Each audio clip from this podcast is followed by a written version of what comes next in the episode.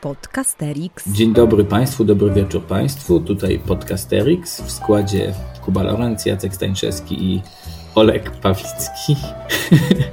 Witamy w kolejnym odcinku. Dziś e, będziemy e, rozmawiać o tym, czy edukacja obywatelska potrzebuje WOS. Temat jak najbardziej na czasie. WOS powoli odchodzi do, no może nie przeszłości, ale gdzieś do jakiegoś takiego mniej zagospodarowanej przestrzeni w przestrzeni szkolnej, ale zanim, zanim o tym, to może jakieś wspominki, co tam miłego się wydarzyło panom w ostatnim tygodniu. Panie Aleksandrze, może panu coś miłego? No ja z przyjemnością, zwłaszcza, że skoro o, o WOSie mowa, to akurat mam wosowe wspomnienie. I ono jest może trochę jest banalne, jeżeli chodzi o, mm, o samą historię, natomiast nieoczywiste dla mnie, jeżeli chodzi o spostrzeżenie, które mi się urodziło.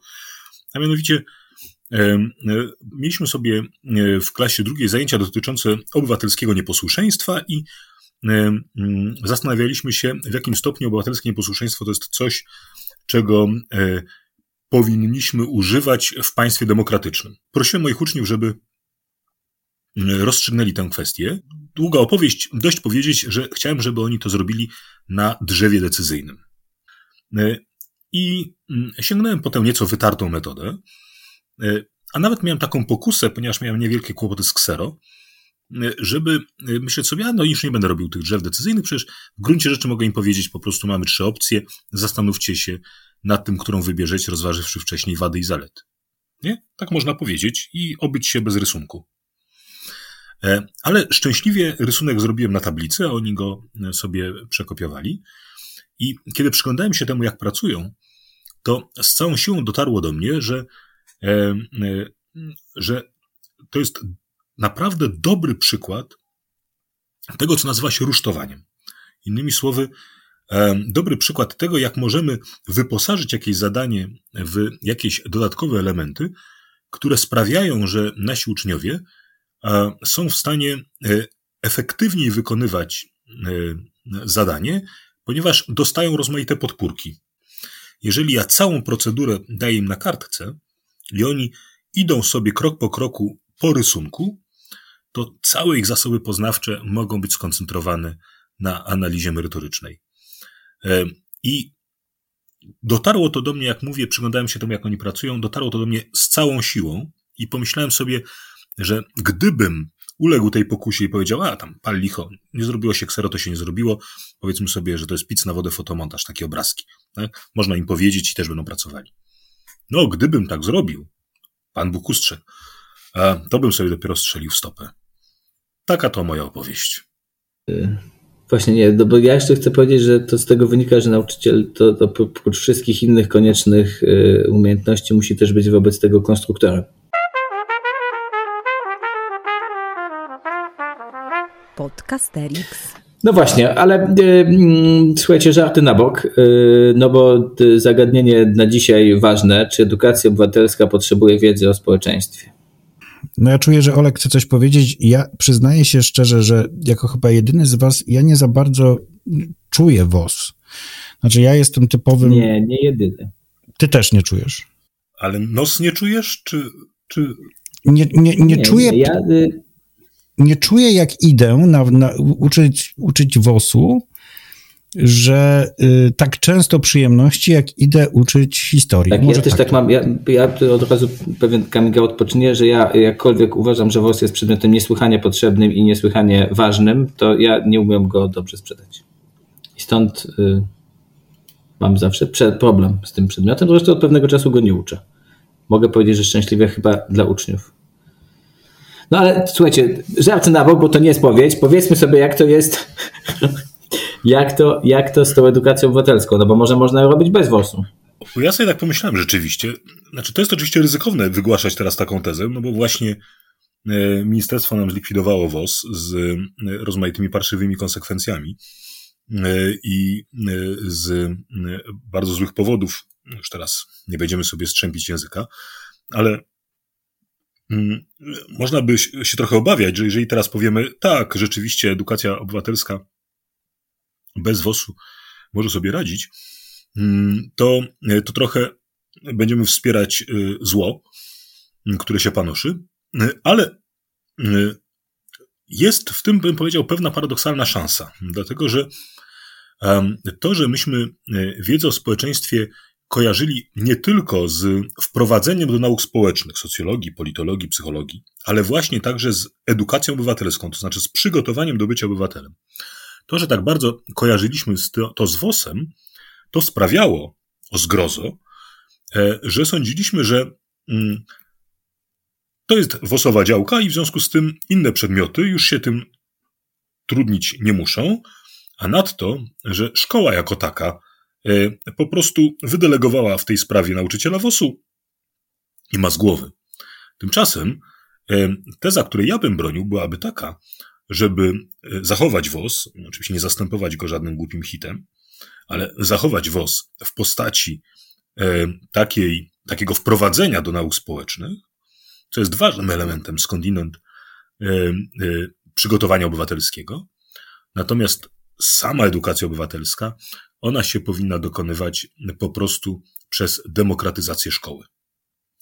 I tak sobie myślę, że tu jest paradoksalna szansa e, tej katastrofy, która e, nam się zapowiada od 1 września. To znaczy, że jeżeli my się przez chwilkę zastanowimy nad tym, jak w szkole bez WOS-u, hmm, albo prawie bez WOS-u, a szkoła podstawowa jest prawie bez WOS-u, a liceum jest w zasadzie bez WOS-u. Jak w szkole bez WOS-u przygotowywać obywatelsko, to sobie nagle zdajemy sprawę, że nie mamy innego sposobu, jak tylko na przykład na nowo z całą powagą potraktować samorządność. Na nowo z całą powagą potraktować rady szkół. E, krótko rzecz biorąc, demokratyzować szkołę, bo inaczej e, no, nie da się przygotowywać do bycia obywatelem przez opowiadanie, jak to kiedyś będzie, jak skończy szkołę. No tak. Obywatelem ludzie stają się tu i teraz. Ale czy to nie jest tak, że te lekcje WOS-u jednak osobno wydzielone stwarzały pewne ramy teoretyczne, trochę taką, taką ramę, o jakiej mówiłeś na początku naszego spotkania, tak? pewną ramę teoretyczną i pewną przestrzeń do tego, żeby zanim ta demokracja szkolna będzie wprowadzana w życie, żeby testować pewne rozwiązania od strony teoretycznej, żeby dyskutować pewne kwestie e, w zaciszu klas. No ja szczerze powiedziawszy myślałem, że, że będziemy, znaczy, że twój, Olku, twoja wypowiedź będzie raczej szła w kierunku, skoro nie WOS, to zastanówmy się wspólnie, co możemy zrobić na historii, skoro to podcast dla nauczycieli historii.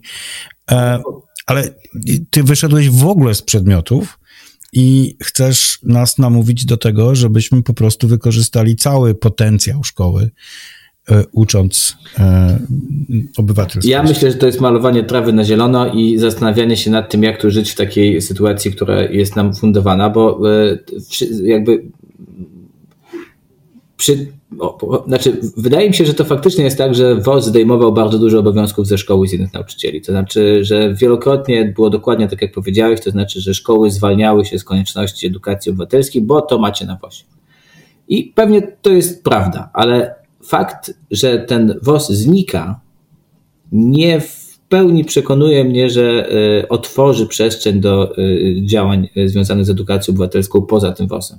Ja bym raczej A czy ty myślał, jako historyk myślał, że... nie bierzesz na siebie jakiegoś ciężaru w tym momencie i mówiąc, dobra, skoro minister zło zabrał nam WOS, muszę coś powiedzieć takiego mocnego, żeby jak Olek będzie szedł do więzienia, to nie poszedł sam więc powiem, że to też jest zło i okropność i po prostu straszne, co się dzieje.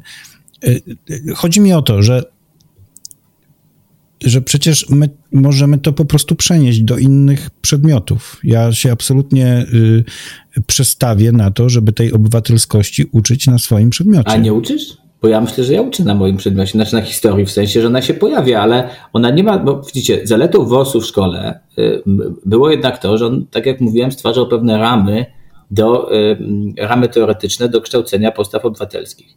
I na historii są takie zagadnienia, które jak najbardziej takimi ramami są albo mogą się nimi stać. Jest ich nawet, powiedziałbym, bardzo, bardzo dużo, ale one jednak nie zastąpią y,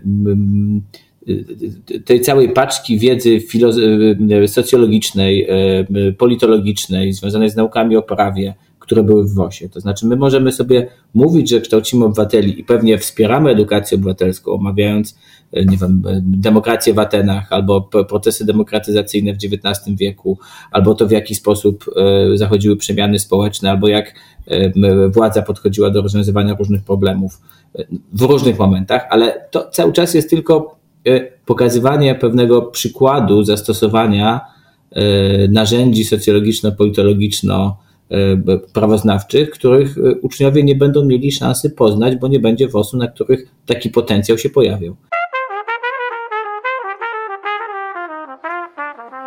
Podcasterix. I oczywiście nie, nie, nie, nie chcę powiedzieć, że póki WOS był, to zawsze to tak działało, ale ja bym widział, że tak to powinno działać. To znaczy, że WOS jest właśnie tym przedmiotem, który daje narzędzia i stwarza ramy do tego, żeby szkoła jako całość nie poddawała edukacji obywatelskiej. To ja tylko szybciutko chcę Ci pokazać, że y, udało mi się zupełnie przez przypadek, bo y, tłumacząc kiedyś, niedawno, y, zasady demokracji y, szlacheckiej i zasadę ucierania się i zasadę jednomyślności, y, widziałem, jak moim uczniom otwierają się oczy na pierwszy rzut oka głupi system, który można po prostu przedłużać w nieskończoność, ale potem przychodzi do mnie wychowawczyni tej klasy i mówi: Słuchaj, co ty z nimi zrobiłeś? Mieliśmy zdecydować, na jaki film idziemy, i okazało się, że nie można było głosować większością, tylko oni chcieli się zacząć ucierać. Co prawda, trwało to y, przez całą lekcję, ale w końcu doszli, że nie idą na film A ani na film B, tylko poszli na film C. I stwierdziłem, że y, y zrobiłem coś dobrego przez rozmawianie o tym, że w zasadzie to zasada liberum veto, jeżeli dobrze wzięta pod, e, e, wzięta jako narzędzie, wcale nie jest taka głupia. I zadziałało to w klasie siódmej A. No i super, ale już szanse, żeby e, przy tej okazji powiedzieć, że oprócz metody ucierania i metody większościowej są także inne, czasem konieczne do uratowania sytuacji, sposoby podejmowania decyzji, już nie będziemy mieli tak? A jakby, bo nie będzie tej ramy teoretycznej, co akurat w tym wypadku psychologia społeczna mówi o przywództwie. No i ja no. W tym sensie wydaje mi się, że jednak edukacja obywatelska potrzebuje WOS. Ja myślę sobie, że e, edukacja obywatelska WOS-em oczywiście nie pogardzi, ale będę po pierwsze, przywołałbym takie badania e, nad edukacją obywatelską młodzieży europejskiej, w których się pojawia dosyć ciekawa korelacja. Nie chcę rozstrzygać, czy jakaś bardzo mocna zależność, ale korelacja to znaczy jest tak, że widać w nich, że wiedza, mm, wiedza teoretyczna dotycząca polityki nie idzie w parze ze społecznym aktywizmem. Innymi słowy, że wcale nie jest tak, że ci uczniowie, którzy najwięcej wiedzą na temat tego, jak funkcjonuje demokracja, mm, jak powinniśmy zabiegać o nasze interesy, jakie są nasze prawa i tak dalej, i tak dalej, że oni są najbardziej aktywni. Nie, wcale nie, prawda? Te, te, to, to, to się nie przekłada na ich aktywność. I wydaje mi się, że kluczową tutaj, że my możemy oczywiście nauczyć bardzo wielu pięknych teoretycznych rzeczy i często zaczyna to tak działać, jak o tym Jasku opowiadałeś, ale zarazem jest tak, że jeżeli oni na co dzień e, w szkole doświadczają funkcjonowania społeczeństwa, które nie jest demokratyczne, tylko które jest autorytarne, bo szkoły są autorytarne. Tak? E, I są rządzone autokratycznie bardzo często. E, kiedy, jeżeli oni nie mają tego rodzaju doświadczeń, to po prostu nie będą, nie uwierzą, że my na poważnie mówimy o demokracji, cokolwiek na lekcjach, na jakichkolwiek lekcjach powiemy, bo oni będą rozumieli, że to jest rodzaj fasady, którą się tutaj rozwija, a w praktyce i tak jest tak, że uczniowie mogą ostatecznie zdecydować, czy potańcówka będzie wtedy, czy, czy, czy kiedy indziej, a już na przykład o tym, czy używać takiego programu, czy innego programu, albo czy tak wydać pieniądze, czy inaczej wydać pieniądze szkolne, to o tym już decydować nie mogą. E, słuchajcie, bardzo Wam dziękuję za dzisiaj. E, WOS i edukacja obywatelska oby szły w parze i żebyśmy jeszcze dożyli takich czasów, kiedy będą mogły iść w parze. E, a, zaryzykuję mm, po tych strasznych zmianach, które zostały wprowadzone. E, straciliście tym samym kogoś, kto mógł wam paczki wysyłać. E, Bardzo dziękujemy. To był podcasterix, Jacek Stańczewski, Olek Pawlicki i Kuba Lorenz. Bardzo dziękujemy i zapraszamy na kolejne nasze odcinki. Dziękuję. Bardzo. To był podcasterix. Wysłuchali Państwo kolejnego odcinka podcastu Trzech Nauczycieli Historii, którzy lubią sobie pogadać o swojej pracy, bo ją po prostu uwielbiają. Tych trzech jegomości to Kuba z charakterystycznym R, Olek z charakterystycznym głosem i Jacek, który czuwał nad nagraniem i montażem. Podcast przygotowano dzięki wsparciu Szkoły Edukacji Polsko-Amerykańskiej Fundacji Wolności i Uniwersytetu Warszawskiego, w której cała trójka pracuje. Więcej informacji na stronie szkolaedukacji.pl. W czołówce wykorzystano dźwięki na wolnych licencjach, a głosu użyczyłam ja, czyli Adriana Bąkowska. Zapraszamy na kolejny odcinek.